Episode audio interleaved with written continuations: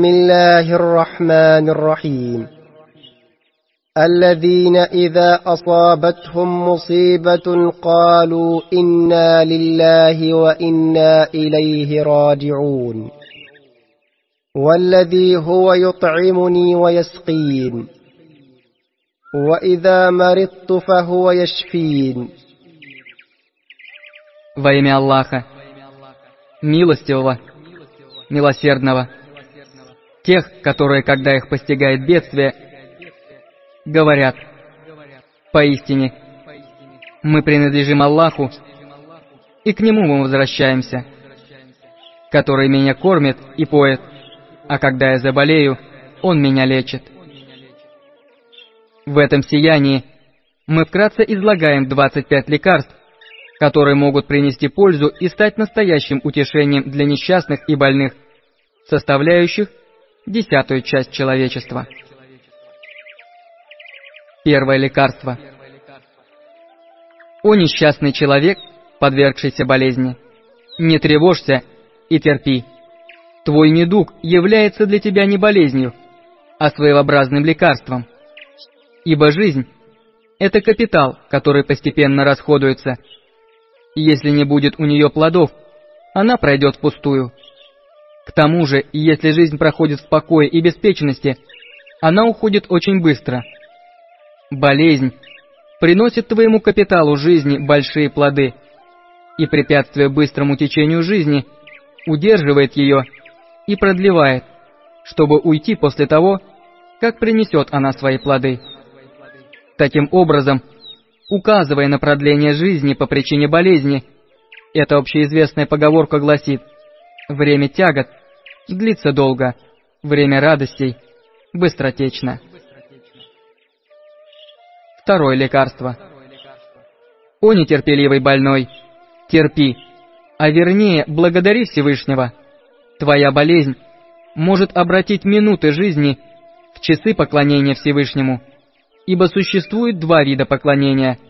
Одно из них – установленное поклонение, то есть такие известные обряды поклонения, как намаз, молитва и так далее. Другой вид – неустановленное поклонение. Человек, подвергшийся беде, посредством болезни и тягот, чувствует свою беспомощность и слабость, взывает о помощи к своему милостиму Творцу.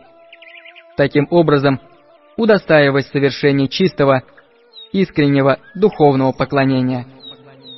Да, есть достоверное предание о том, что жизнь, прошедшая в болезни, для верующего человека, при условии, что он не жалуется на Аллаха, считается поклонением. И даже минута болезни некоторых терпеливых и благодарных Творцу людей обращается в целый час поклонения, а минута некоторых совершенных людей даже в целый день поклонения Творцу, что определено по достоверным преданиям и верным открытиям. Благодари, а не жалуйся Всевышнему на болезнь, которая, обращая минуту твоей жизни в тысячу минут, дает обрести тебе длинную жизнь.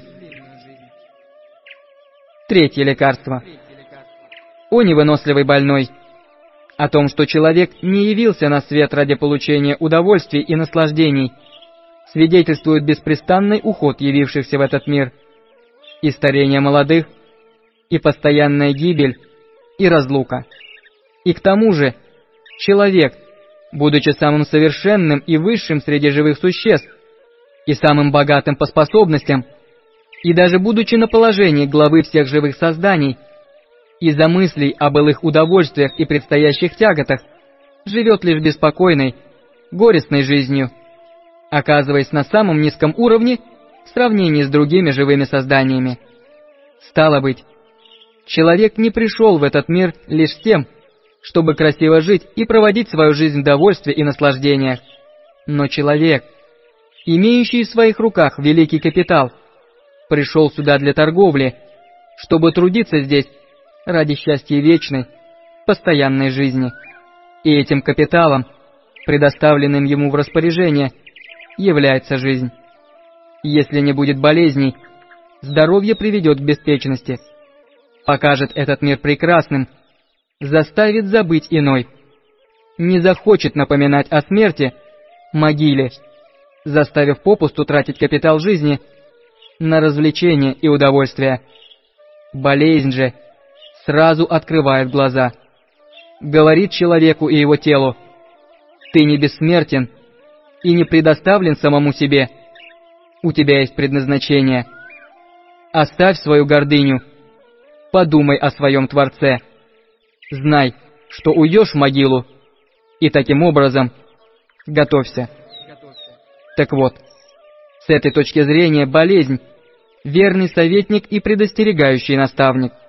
Следует не жаловаться на нее, а в этом отношении благодарить ее. Если же окажется она очень сильной, нужно у Всевышнего просить терпения. Четвертое лекарство. О жалующийся больной, твое право не жалоба, а благодарность и терпение ибо тело твое — инструменты и органы, не твое имущество. Ты их не сделал, не приобрел в какой-нибудь мастерской. Стало быть, они принадлежат другому.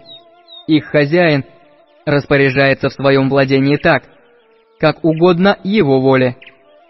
Как изложено в 26 слове, например, очень богатый и искусный мастер, чтобы показать свое прекрасное искусство и свои ценные богатства, с тем, чтобы одному жалкому человеку дать исполнить роль модели. За определенную плату. И всего на один час. Наденет на него украшенное драгоценностями и чрезвычайно искусно сшитое им платье. Он будет работать на этом человеке и придавать ему различные положения. Чтобы показать многообразие своего удивительного искусства, он будет изменять это платье, срезать, укорачивать, удлинять его. И если этот жалкий человек, чей труд оплачивается, скажет тому мастеру, «Ты утруждаешь меня, утомляешь, веля принять то или иное положение, портишь мою красоту, укорачивая это платье, которое мне к лицу», окажется ли он прав? Может ли он сказать мастеру, «Ты поступил жестоко, несправедливо»? Так вот, о заболевший человек, подобно этому примеру, могущественный Творец надел на тебя телесную одежду, украшенную такими светлыми чувствами, как глаза, уши, разум, сердце. И чтобы показать проявление своих прекрасных имен, Он подвергает тебя различным состояниям и изменяет твое положение, подобно тому, как при чувстве голода ты узнаешь его имя Раззак, кормилец, так и посредством своей болезни – Узнай же его имя Шафи, исцеляющий. Из-за того, что болезни, тяготы показывают проявление некоторых его имен, в них скрыто сияние мудрости и лучи милости, и в этих лучах таится много прекрасного. Если откроется завеса, за ужасающей и отталкивающей болезнью найдешь приятные, прекрасные смыслы. Пятое лекарство – о подверженный болезни человек! В наше время на своем опыте я убедился, что для некоторых болезнь является божественной милостью, божественным даром. В течение этих восьми-девяти лет со мной по поводу своей болезни встречались некоторые молодые люди, чтобы я, хотя я и не достоин того, попросил у Всевышнего их исцеления. Я обратил внимание на то, что всякий больной молодой человек, которого я видел, в сравнении с другими молодыми, начинает задумываться об ином мире. Нет опьянения молодостью. В какой-то степени он избавляется от животных страстей, скрытых в беспечности. И я, обращая на это внимание, напоминал им, что их болезни, которые они могут вынести, являются божественной милостью. Я говорил им, «Друг мой, я не против твоей болезни. Она не вызывает у меня сострадания, от которого мне стало бы жалко тебя, и я попросил бы у Создателя твоего исцеления. Старайся терпеть до тех пор, пока болезнь полностью не пробудет тебя, и после того, как болезнь исполнит свое назначение, милостивый Творец, иншаллах, если пожелает, даст тебе исцеление. И еще я говорил им, часть твоих сверстников, по причине здоровья впав в беспечность, оставив намаз, не думая о смерти и забыв Создателя, мнимыми и быстротечными наслаждениями мирской жизни причиняют вред своей бесконечной, вечной жизни и даже разрушают ее.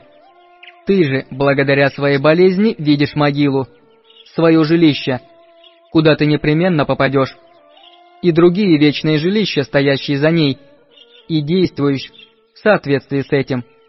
Стало быть, болезнь для тебя является здоровьем, а здоровье участия твоих сверстников – болезнью. Шестое лекарство. О больной человек, жалующийся на страдания, прошу тебя, подумай о прошедшей жизни и вспомни бывшие в ней счастливые, беззаботные дни, а также те времена, где были тяготы и печали. Непременно – твое сердце или язык скажут, или «Ох, слава Господу! Альхамдулилля!» Или же «Ах, как жаль!» Обрати внимание на то, что воспоминания о прошедших несчастьях и трудностях, которые когда-то постигли тебя, теперь дают тебе духовное удовольствие, и твое сердце говорит «Ох, слава Господу!» Ибо уход тягот и печалей — это удовольствие — Уходя, тяготы и печали оставляют в душе усладу, которая при воспоминании о них прорывается, наполняя собой душу и напоминая о благодарении. Тем же, что заставляет тебя сказать «Ах, как жаль!» являются наслаждение и беззаботное состояние прошлого, которые, уходя, оставляют в твоей душе постоянную печаль, которая при воспоминании об этих временах снова прорывается, изливая сожаление и тоску. Поскольку день недозволенного божественными законами наслаждения порой целый год заставляет испытывать духовные страдания, и поскольку временное, вызванное одним днем болезни, страдание, таит в себе много дней духовного наслаждения от воздаяния, и в уходе этой болезни есть духовное наслаждение от избавления от нее – Подумай о результате этой временной болезни, о сокрытом в ней воздаянии. Скажи, и это пройдет, о Создатель. И вместо жалобы благодари Творца. Шестое лекарство. Примечание. Так как эта брошюра была написана непринужденно, на шестой ступени оказалось два лекарства. И чтобы не портить ее первозданный вид – мы ничего не стали менять, полагая, что в этом есть какой-то секрет. Конец примечания. О мой друг, страдающий от болезни, думай об удовольствиях мирской жизни. Если бы этот мир был постоянным, если бы на нашем пути не было смерти, если бы не дули ветры разлук и утрат, если бы в будущем, таящем в себе трудности и бури, не было духовных зим, и я бы вместе с тобой сожалел о твоем положении. Но поскольку однажды этот мир скажет нам «давай на выход» и закроет уши на наши причитания, то пока он не изгнал нас, по предупреждению этих болезней нам отныне нужно отказаться от любви к нему, и пока он не оставил нас, мы должны стараться сердцем отстраниться от него. Да, болезнь, напоминая нам этот смысл, говорит, твое тело не из камня и стали, а образовано из различных веществ, постоянно готовых распасться. Оставь свою гордыню, пойми свое бессилие, познай своего Творца, владеющего всем. Знай свое назначение и то, зачем ты пришел в этот мир. Твое сердце — тайно предупреждает тебя об этом. И поскольку мирские удовольствия, наслаждения непродолжительны, и особенно если они недозволенные, они и быстротечны, и полны огорчений и грехов. Не плачь из-за болезни, что ты лишился этих удовольствий, а напротив, думай о духовном поклонении и о воздаянии, таящихся в ней, и от этого старайся получить наслаждение. Седьмое лекарство. О человек, потерявший радость своего здоровья! Твоя болезнь не портит радость здоровья, дарованного Всевышним, а напротив, дает вкусить эту радость, умножает ее ибо если что-либо имеет продолжительность, оно теряет свое воздействие. Даже знатоки истины согласно говорят.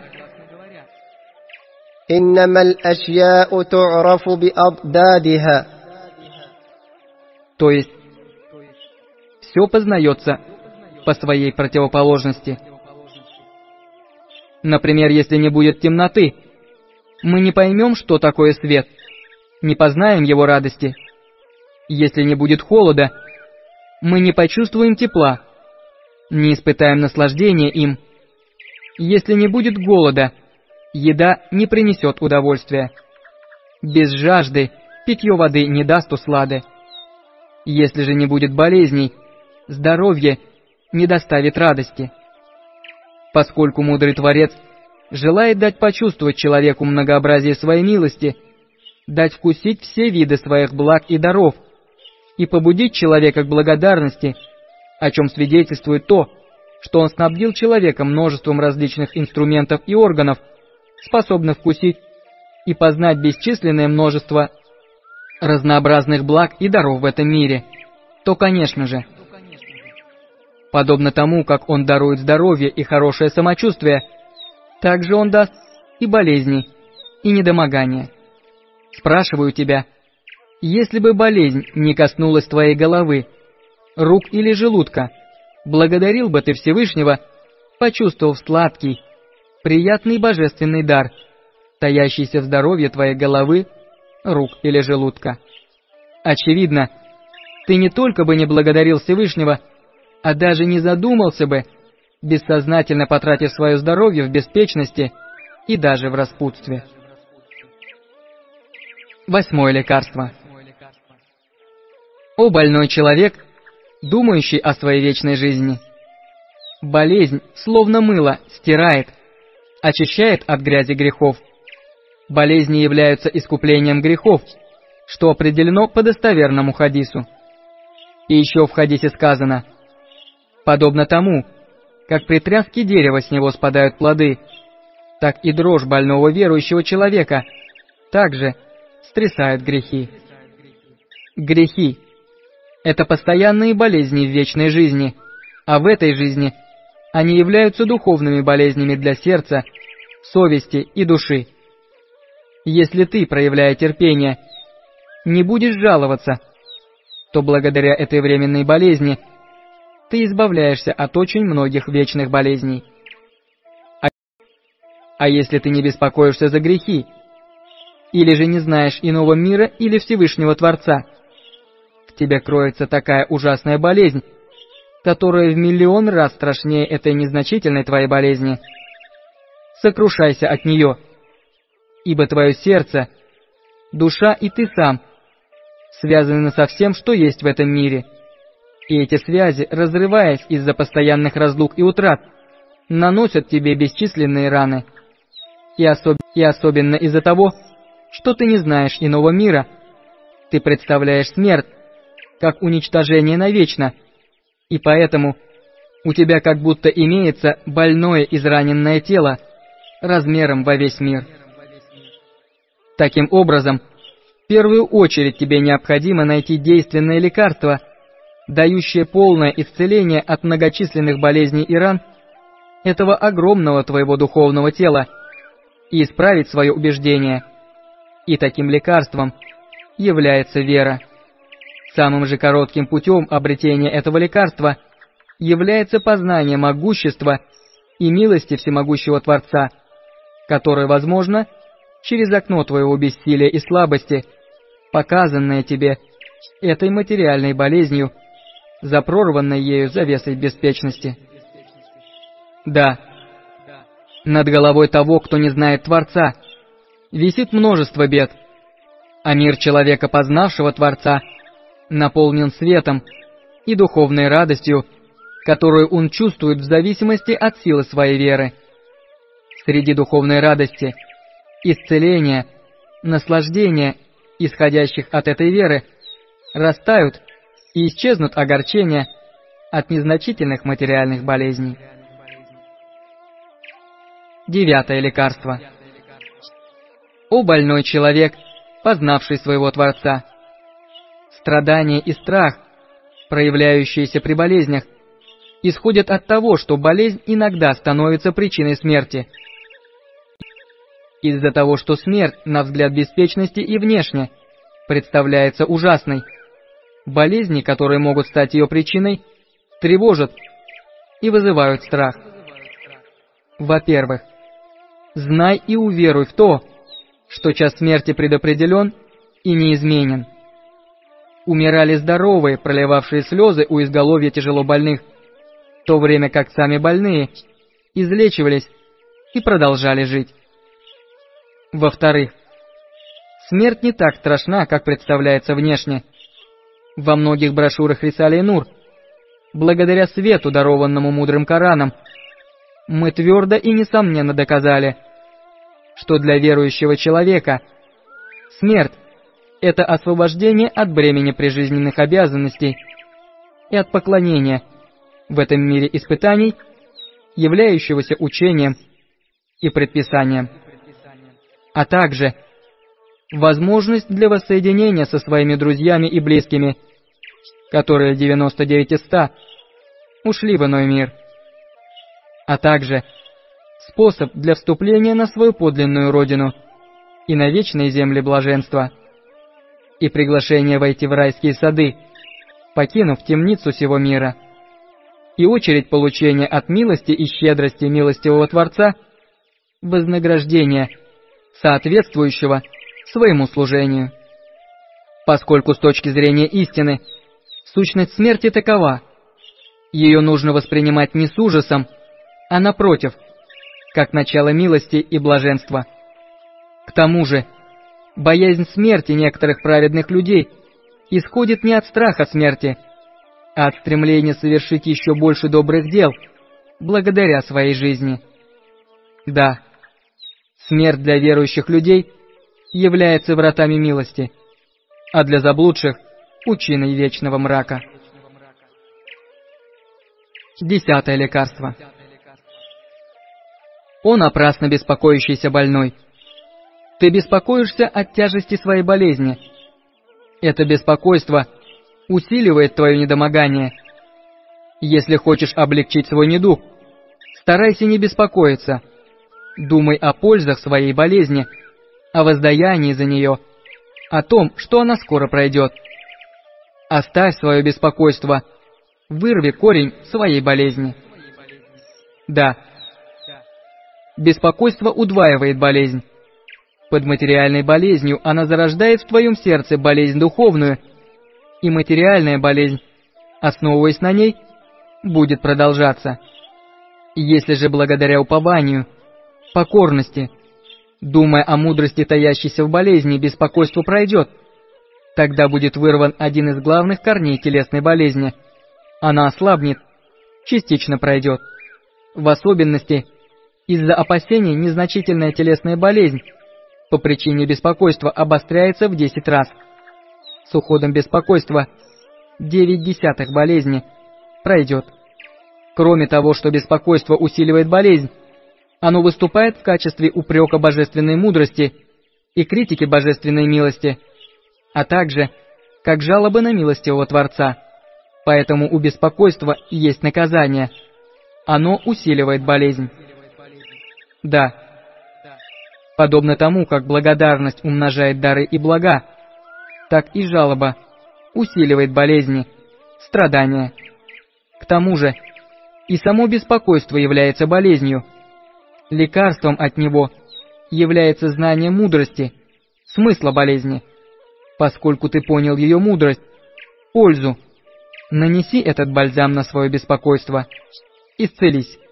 Вместо сожаления – проявляй надежду. Вместо «ах, как жаль» говори «хвала Всевышнему» в любом состоянии. Одиннадцатое лекарство. О нетерпеливый больной друг! Болезнь, кроме причиняемой в данный момент боли, дает тебе духовную отраду, что болезнь твоя от начала ее и до этого дня прошла – и приносит духовное наслаждение от сокрытого в ней воздаяния. Последующее время после этого дня и даже после этого часа болезни нет. И, конечно, от того, чего нет, нет и боли. Нет боли, нет и страдания.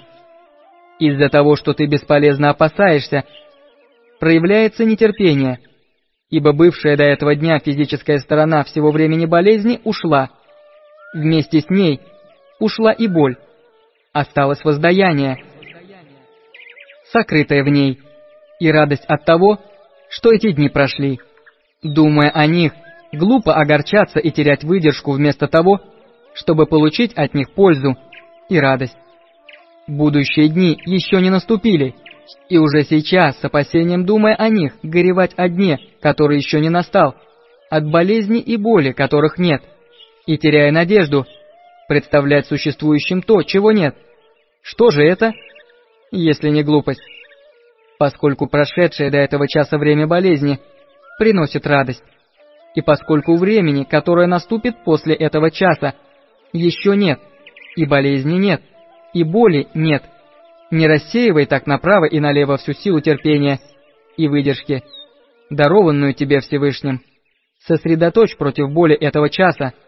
Скажи, я сабур. Дай Бог терпения и терпи. Двенадцатое лекарство. О человек по причине своей болезни, лишенный поклонения и молитвы, и сожалеющий об этом, знай, что, как сказано в хадисе, богобоязненный верующий, который по причине болезни не может выполнять постоянно совершаемую им молитву, опять же, получит воздаяние за нее во время болезни. Больному, который по мере возможности с терпением и упованием на Всевышнего выполняет фарзы, болезнь в это время восполнит суннаты, и как совершенные в искренней форме. Кроме того, болезнь дает почувствовать человеку его беспомощность и слабость. Языком этой беспомощности и слабости она дает совершить ему его состоянием и языком молитву. Всемогущий Творец дал человеку бесконечную беспомощность и безграничную слабость тем, чтобы он постоянно обращался к своему Создателю, искал у него прибежище. В этом аяте قل ما يعبأ بكم ربي لولا دعاؤكم Скажи, Аллах не озаботился бы о вас, если бы не ваше воззвание. Дуа. Имеется такой смысл.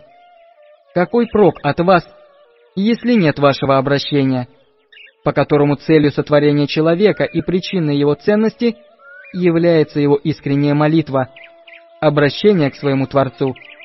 Болезнь же становится одной из причин искреннего обращения к Господу. Поэтому с этой точки зрения следует не жаловаться, а благодарить Аллаха и не прерывать поток искренних обращений к Нему, открытый болезнью и после обретения здоровья. Тринадцатое лекарство. О несчастный человек, жалующийся на болезнь.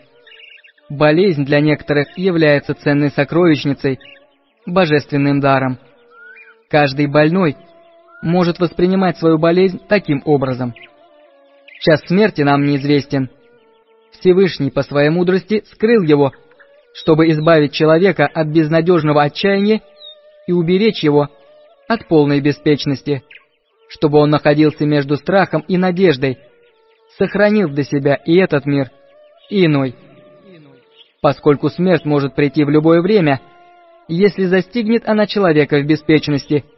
Это может нанести его вечной жизни большой вред. Болезнь разгоняет беспечность, заставляет задуматься об ином мире, дает вспомнить о смерти, и таким образом человек готовится к ней. Иной раз она дает такую пользу, что за 20 дней дает обрести человеку такую высокую духовную степень, которую он не смог бы достичь в течение 20 лет. Так, например, среди наших друзей было двое молодых ребят, да помилует их Аллах. Один из них был Сабри, исцеление Илама, другой Визир Заде Мустафа из селения Исламкёй. Я с удивлением замечал, что эти двое ребят, несмотря на то, что среди моих учеников они не умели писать, в искренности и служении на пути Творца были в самом первом ряду. Я не знал причины этого. Только после их смерти я понял, что у них обоих была серьезная болезнь. Благодаря этой болезни они, в противоположность другим беспечным и оставившим основные предписания веры молодым людям, пребывали в богобоязненности, в ценном служении на пути Создателя, в выгодном для будущей жизни положении. Иншаллах, тяготы их двухлетней болезни стали основанием для миллионов лет блаженства в вечной жизни. Теперь я понимаю, что молитва, с которой я обращался ко Всевышнему, прося у него для них здоровья в отношении мирской жизни, стала для них будто проклятием.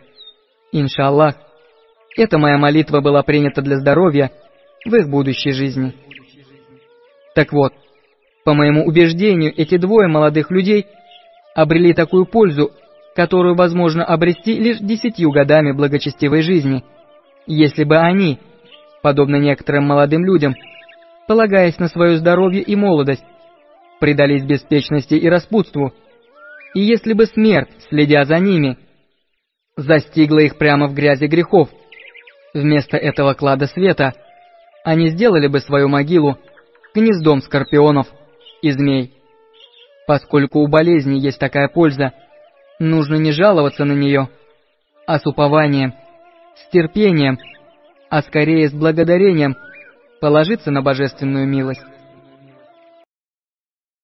Если ты узнаешь, какой свет и внутреннее зрение имеется под пеленой, покрывшей глаза верующего человека, ты скажешь «Сто тысяч благодарений моему милостивому Господу». Для объяснения этого лекарства приведу такой пример.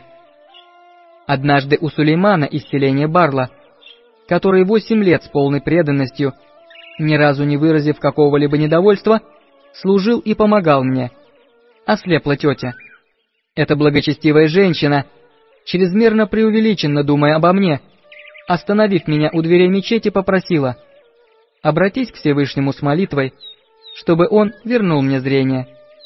И я, надеясь, что благочестие этой вдохновенной и благословенной женщины станет для нее заступником, попросил у Всевышнего «О Господи, ради ее благочестия, верни ей зрение». На второй день из города Бурдур приехал глазной врач, и она снова стала видеть. Через сорок дней она опять потеряла зрение. Это очень огорчило меня. Я много обращался ко Всевышнему. Иншаллах, моя просьба была принята Всевышним для ее будущей жизни.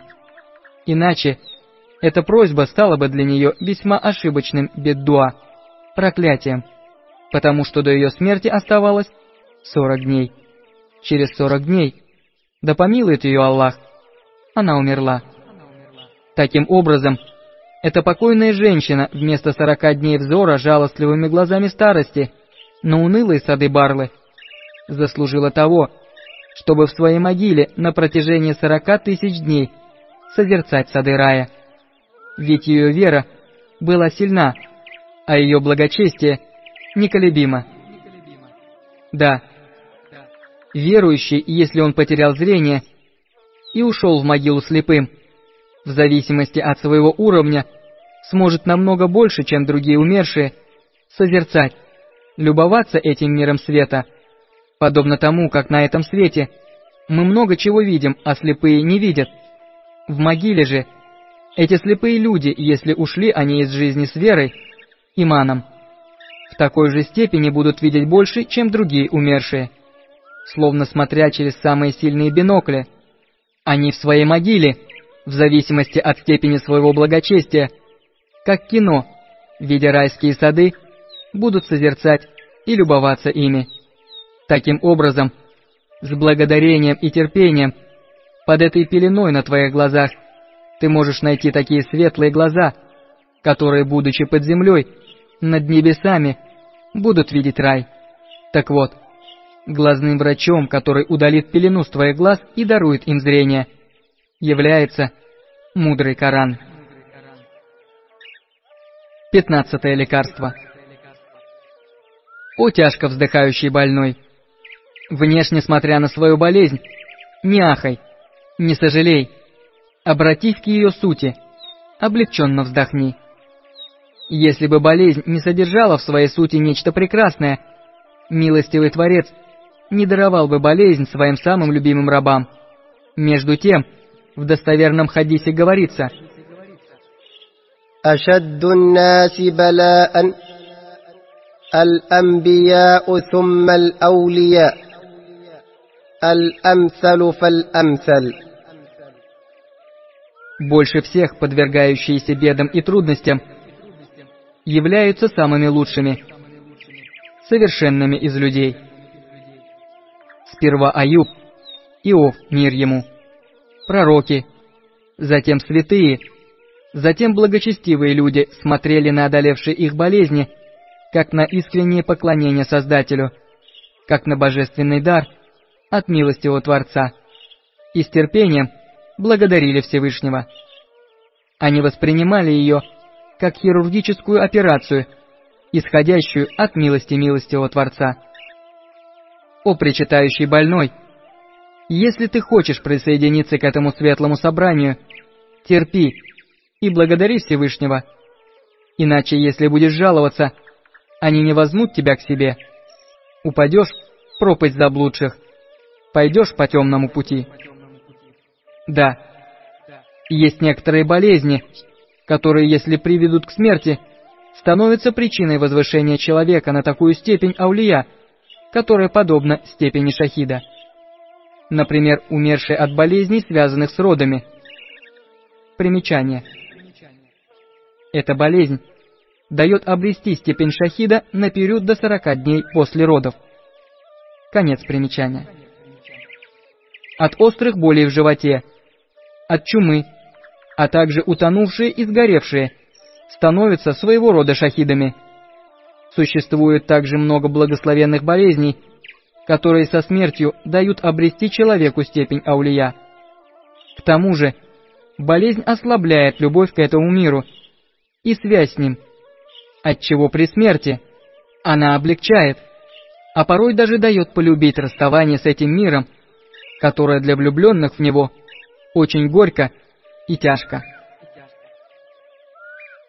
Шестнадцатое лекарство – о жалующийся на тоску больной. Болезнь в общественной жизни человека поучает самому важному и прекрасному – уважению и состраданию, так как избавляет человека от чувства самодостаточности, приводящего к одичанию и жестокосердию, ибо по секрету этого аята إن الإنسان ليطغى أن رآه استغنى но нет. Человек восстает от того, что видит себя не нуждающимся. Человек, его нався Аммара, повелевающее эгоистичное «я», пребывая в самодостаточности, исходящей от здоровья, не чувствует уважения ко многим достойным уважения братьям и не испытывает сострадания к людям, подвергшимся бедам и болезням, нуждающимся в сострадании и милосердии. Когда же человек заболевает, он понимает свою слабость и беспомощность, начинает уважать своих достойных уважения братьев. Он испытывает чувство уважения к тем, кто приходит навестить или помогает ему, и испытывая жалость к людям, оказавшимся в беде, что является человеческим состраданием, исходящим от милосердия к себе подобным, а также одной из самых важных характерных черт ислама – Сравнивая себя с ними, он в полной мере будет сочувствовать им. Если сможет, окажет им помощь. В крайнем случае, обратиться ко Всевышнему с просьбой о помощи для них, навестит, спросит о самочувствии, что является суннатом, заслужит доброе дело. Семнадцатое лекарство. У больной, жалующийся на то, что по причине болезни не может совершать благие дела. Благодари Творца. Тем, что раскрывает тебе врата самого искреннего из благих дел, является болезнь. Болезнь дает возможность больному и тем, кто ради Аллаха смотрит за ним, для непрерывного обретения божественного воздаяния, награды, а также является одной из самых важных причин принятия Всевышним молитв и просьб, обращенных к Нему. Да, в уходе за больными для верующих людей есть значительное божественное воздаяние. Посещать больных, не беспокоя их, спрашивать о самочувствии, является суннатом, станет искуплением грехов. В хадисе есть «Ищите благословения больных людей, их просьбы принимаются Всевышним». В особенности, если больной человек будет родным, и особенно отцом или матерью, забота о них является значительным поклонением, великим добрым делом.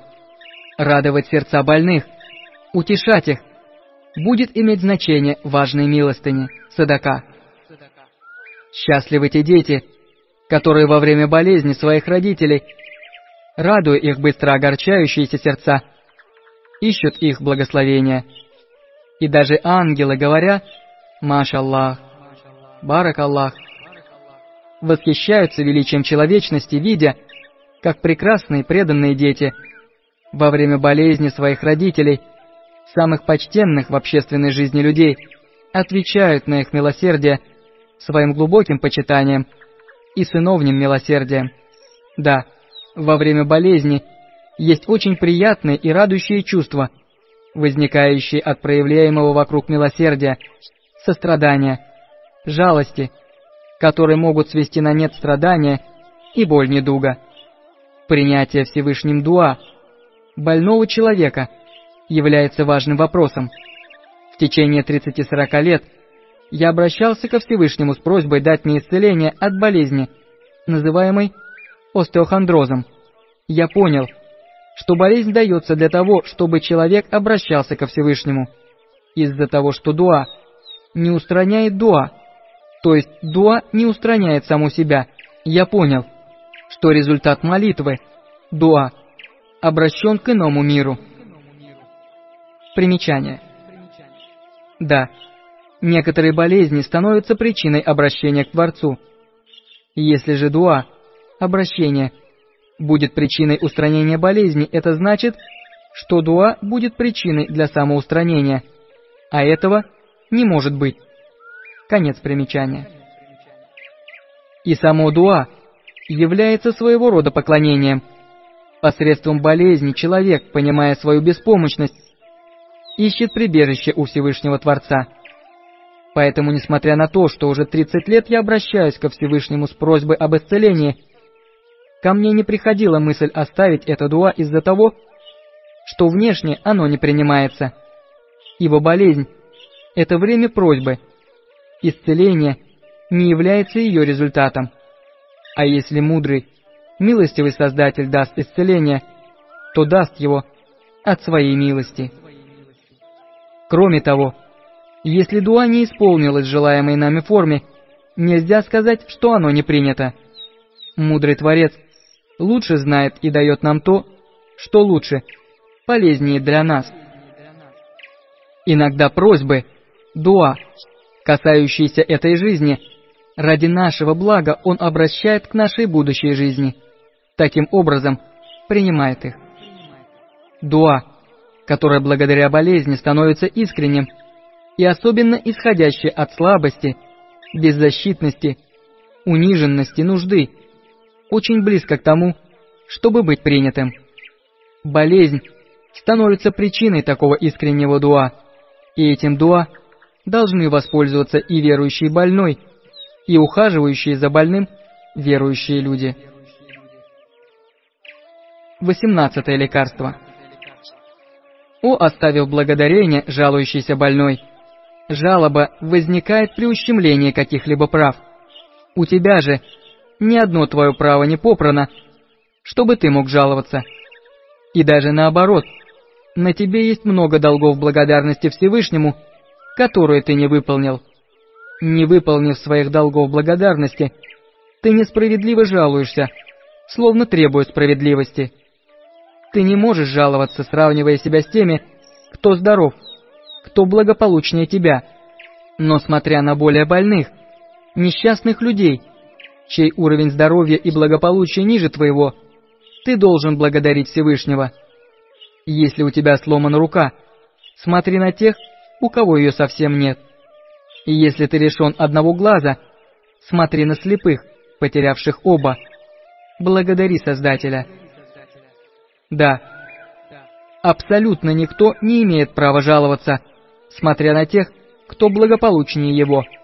И в беде, чтобы благодарить Творца, каждый может сравнивать себя с теми, чей уровень беды выше его. Этот секрет раскрыт в некоторых брошюрах на одном примере. Вкратце его суть такова.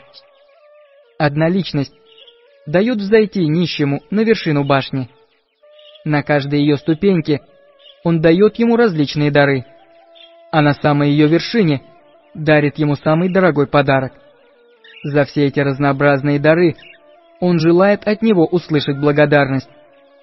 И какой будет неблагодарностью и несправедливостью, если, несмотря на это, капризный нищий человек, забыв о всех дарах, которые он получил ранее, или же, не выражая за них благодарность, считая их ничтожными, начнет жаловаться, устремив свой взгляд наверх.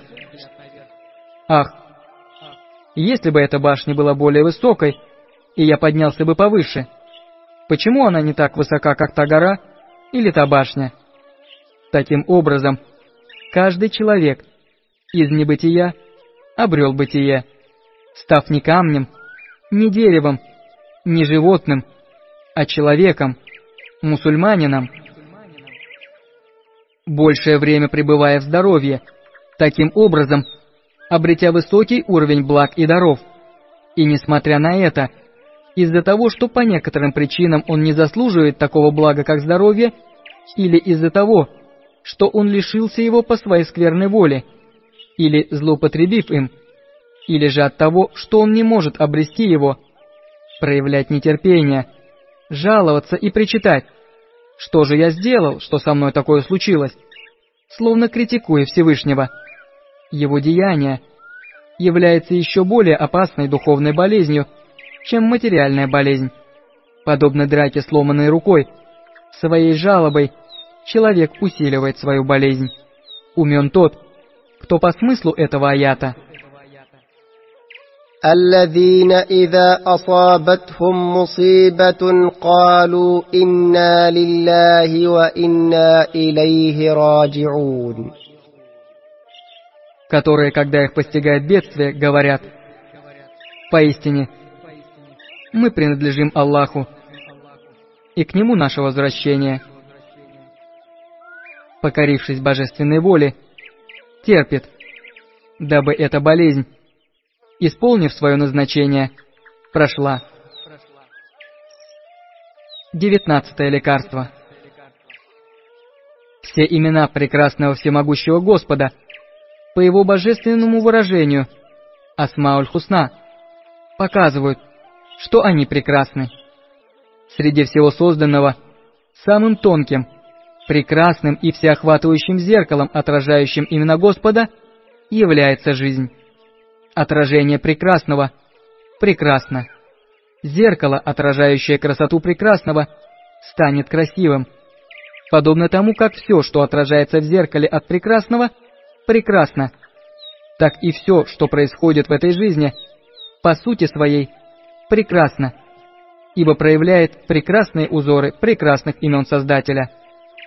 Если жизнь будет проходить всегда в здоровье, однообразно, она будет неполным отражением. И даже в некотором отношении, дав ощутить небытие, такая жизнь наскучит человеку, уменьшится ее ценность, радость жизни обратится в тоску. Чтобы быстрее провести время, человек от скуки предастся или распутству, или развлечениям, враждебно относясь к своей ценной жизни, словно к сроку тюремного заключения. Он хочет быстрее провести – убить свое время. Однако жизнь, проходящая разнообразно, в переменах и движении, дает почувствовать свою ценность, дает познать свою важность и вкус. Даже если жизнь полна забот и тягот, человек не желает ее прохождения. Он не ухает от тоски, говоря «все еще солнце не село» или «когда же кончится день». Да. Спроси у зажиточного господина, который без работы лежит на диване и у которого все прекрасно, как он поживает. Несомненно, от него ты услышишь такие слова огорчения, как «Ох, времени как не проходит, давай поиграем в нарды» или найдем какое-нибудь развлечение, чтобы провести время, или же услышишь жалобы, исходящие от нескончаемых желаний. Этого у меня не хватает. Если бы я сделал то-то, спроси у человека, оказавшегося в беде, или у работающего и живущего в заботах бедняка, как он поживает. И если он разумен, он скажет, «Слава Господу, у меня все хорошо, работаю, не садилось бы солнце быстро, чтобы закончить и это дело. Время быстро пролетает. Жизнь не стоит на месте, бежит. Хотя и есть у меня трудности, но и это пройдет.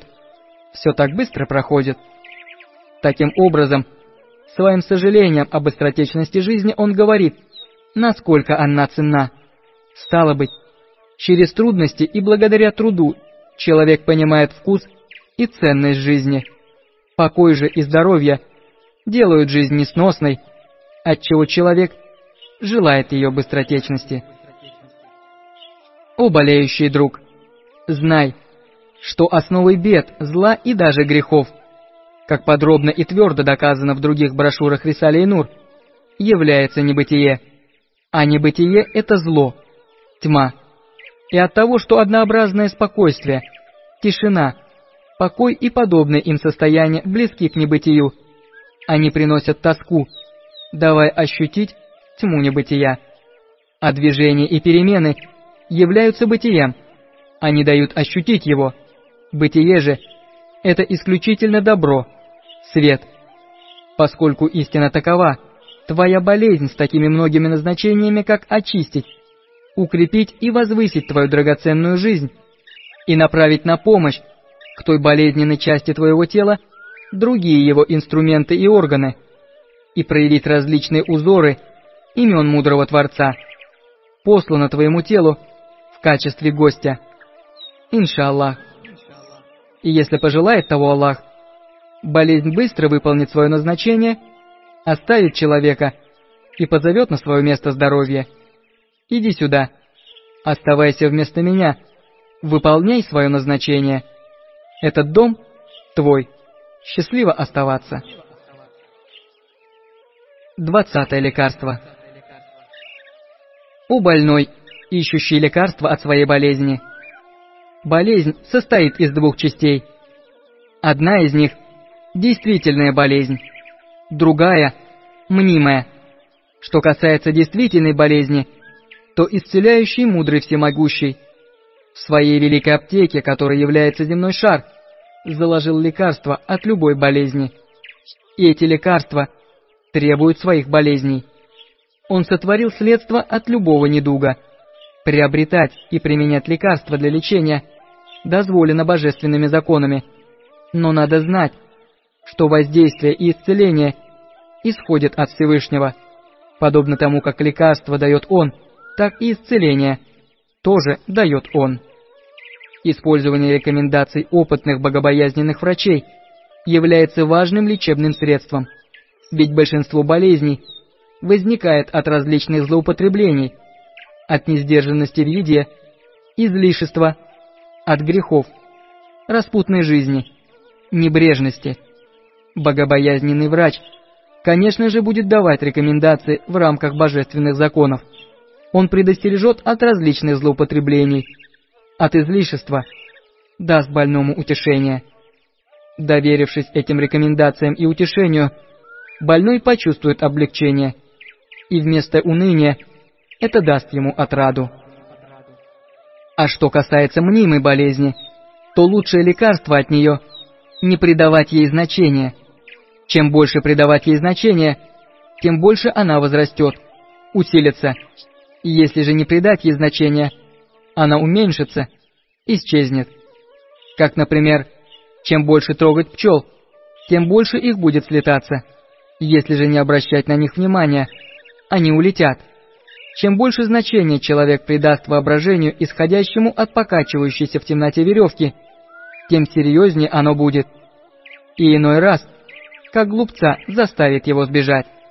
Если же он не придаст значения, то увидит, что это простая веревка, не змея, и посмеется над своим страхом. Если мнимая болезнь будет длиться долго, она превратится в действительную. Это скверная болезнь умнительных и нервозных людей. Делая из мухи слона, такой человек начинает падать духом. И особенно, если он попадает к безжалостным горе-лекарям или к бессовестным врачам, и еще больше усилит его мнительность. И если он богат, то лишится своего богатства. Если же нет, то потеряет или разум, или свое здоровье. 21 лекарство. О больной друг, в твоей болезни есть материальная боль, но тебя окружает значительное духовное удовольствие, которое может устранить воздействие этой материальной боли. Ведь если у тебя есть отец, мать и другие близкие, то ты опять ощущаешь вновь пробудившуюся к тебе ту давнюю, давно забытую тобой очень приятную их заботу и милосердие, которые были в детстве. И к тому же, имеющиеся у тебя друзья, связь с которыми позабылась и ослабла, вновь притянутые твоей болезнью, с дружелюбием смотрят на тебя. Конечно, рядом с ними твоя материальная болезнь окажется совсем незначительной. И люди, которым ты бескорыстно служил и благоволения которых ты старался удостоиться, благодаря твоей болезни, милосердно заботятся о тебе. Посему ты стал господином своих господ. И из-за того, что ты привлек к себе человеческое чувство милосердия и сочувствия, ты обрел много заботливых и милосердных друзей. И опять же, благодаря своей болезни, ты получил перерыв от своих трудных дел и сейчас отдыхаешь. Конечно же, твоя незначительная боль за эти духовные удовольствия должна побудить тебя не к жалобе, а к благодарности Творцу. 22 лекарство. У больной, подвергшийся таким тяжелым болезням, как паралич. Во-первых, сообщу тебе радостную весть. Для верующего паралич считается благословенной болезнью. Я давно это слышал от праведных людей, но не знал смысла сказанного. Один из смыслов мне представляется так. Праведные люди, аулия, для того, чтобы приблизиться к Всевышнему, избавиться от великих духовных опасностей всего мира и обрести вечное блаженство, добровольно следовали двум принципам.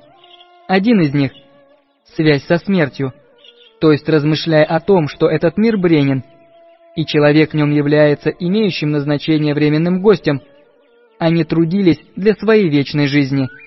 Другой, чтобы избавиться от опасностей своих страстей, повелевающего я, Навси Аммара, и слепых чувств, они стремились через аскетизм, воздержание, уничтожить свое повелевающее я. У брат, потерявший здоровье половины своего тела, тебе не по своей воле даны эти два кратких, простых и ведущих к счастью принципа. Состояние твоего тела постоянно напоминает о бренности этого мира и человека. Этот мир уже не может тебя обмануть, а беспечность закрыть твои глаза. Человека, находящегося в состоянии получеловека, повелевающее «я», конечно же, не может обмануть своими низменными страстями и желаниями. Он быстро избавляется от беды своих страстей. Таким образом, верующий человек по секрету веры, благодаря покорности и упованию на Господа, за короткое время может получить такую же пользу от своей тяжелой болезни, как, например, паралич, которую праведные люди – получали от аскетизма и умерщвления плоти. И тогда эта тяжелая болезнь окажется совсем незначительной. 23 лекарство. О одинокий несчастный больной, находящийся вдали от родины, если твоя болезнь, и к тому же твое одиночество и удаленность от родных краев, вызывают к тебе сочувствие даже в самых жестоких сердцах и притягивают взоры милосердия, то, конечно же, неужели твоя связь с твоим милостивым Творцом через веру в Него, твое знание Его и обращение к Нему языком беспомощности твоей болезни, твое одиночество и болезнь вдали от родных мест не притянет к тебе взамен всего взор милости твоего Творца, который в начале каждой суры Корана представляет себя нам милостивым и милосердным, который одним блеском своего милосердия всех матерей, благодаря этому удивительному милосердию, побуждает проявлять заботу ко всем детенышам, который каждой весной по проявлению своей милости наполняет землю различными дарами, и рай вечной жизни со всем своим великолепием – это лишь одно из проявлений его божественной милости. Поскольку он есть, заботится о тебе, для тебя все есть. Поистине, оставшимся в одиночестве на чужбине является тот, кто через веру и покорность не обрел связь со своим Творцом или не придает этому значения. 24 лекарство. У тех, кто смотрит за невинными больными детьми и за престарелыми людьми, находящимися на положении невинных детей. У вас есть возможность совершения важной торговли, касающейся иного мира. Старательно и усердно стремитесь обрести пользу от нее.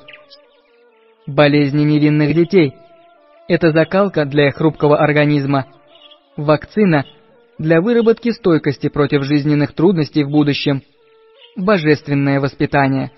Помимо многих подобных смыслов, касающихся мирской жизни ребенка, за эти болезни – Вместо искупления грехов у взрослых идет своеобразное воздаяние.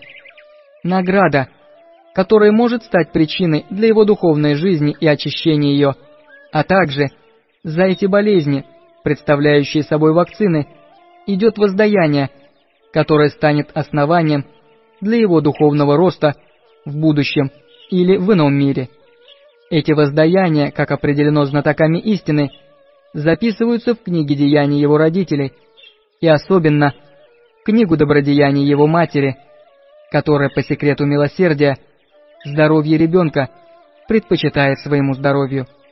Что же касается ухода за старыми людьми, то помимо великого воздаяния, награды за это, из достоверных преданий и на примере многих исторических событий известно, что искать благоволение старых людей, и особенно – если это родители, радовать их сердца, служить им верой и правдой, является основанием как для счастья и благополучия в этом мире, так и для счастья в ином.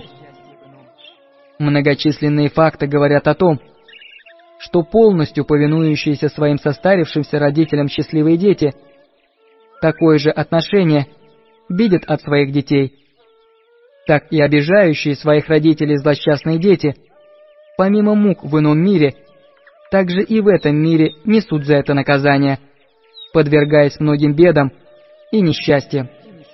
Да, необходимостью ислама является не только уход за своими составившимися, немощными родственниками, но и если встретится верующий человек, раз по секрету веры, между верующими людьми есть истинное братство.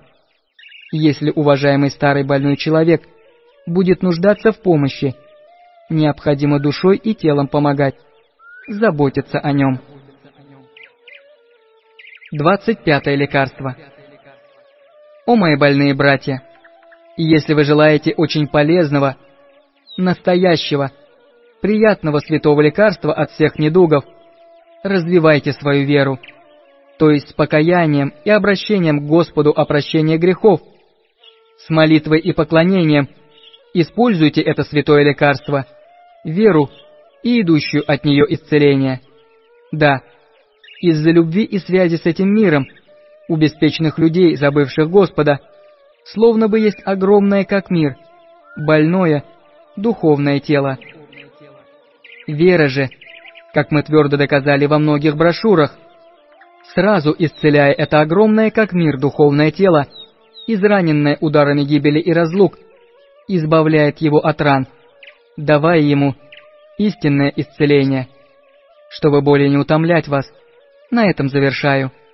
А лекарство веры проявляет свое воздействие при выполнении, насколько это возможно, обязательных предписаний веры.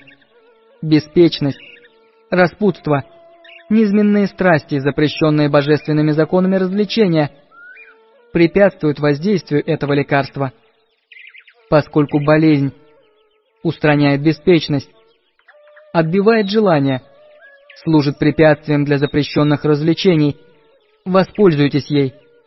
С помощью покаяния, молитв и обращений к Всевышнему о прощении используйте святые лекарства и свет истинной веры. Пусть Всевышний Творец дарует вам исцеление и сделает вашу болезнь искуплением грехов. Аминь. Аминь. Аминь. وقالوا الحمد لله الذي هدانا لهذا وما كنا لنهتدي لولا أن هدانا الله لقد جاءت رسل ربنا بالحق سبحانك لا علم لنا إلا ما علمتنا إنك أنت العليم الحكيم. اللهم صل على سيدنا محمد طب القلوب ودوائها وعافية الأبدان وشفائها ونور الأبصار وضيائها. وعلى آله وصحبه وسلم И говорят они, хвала Аллаху, который вывел нас на это, мы бы не вышли, если бы Аллах нас не вывел к этому. Пришли посланцы Господа нашего с истиной. Хвала Тебе. Мы знаем только то, чему Ты нас научил. Поистине, Ты знающий, мудрый.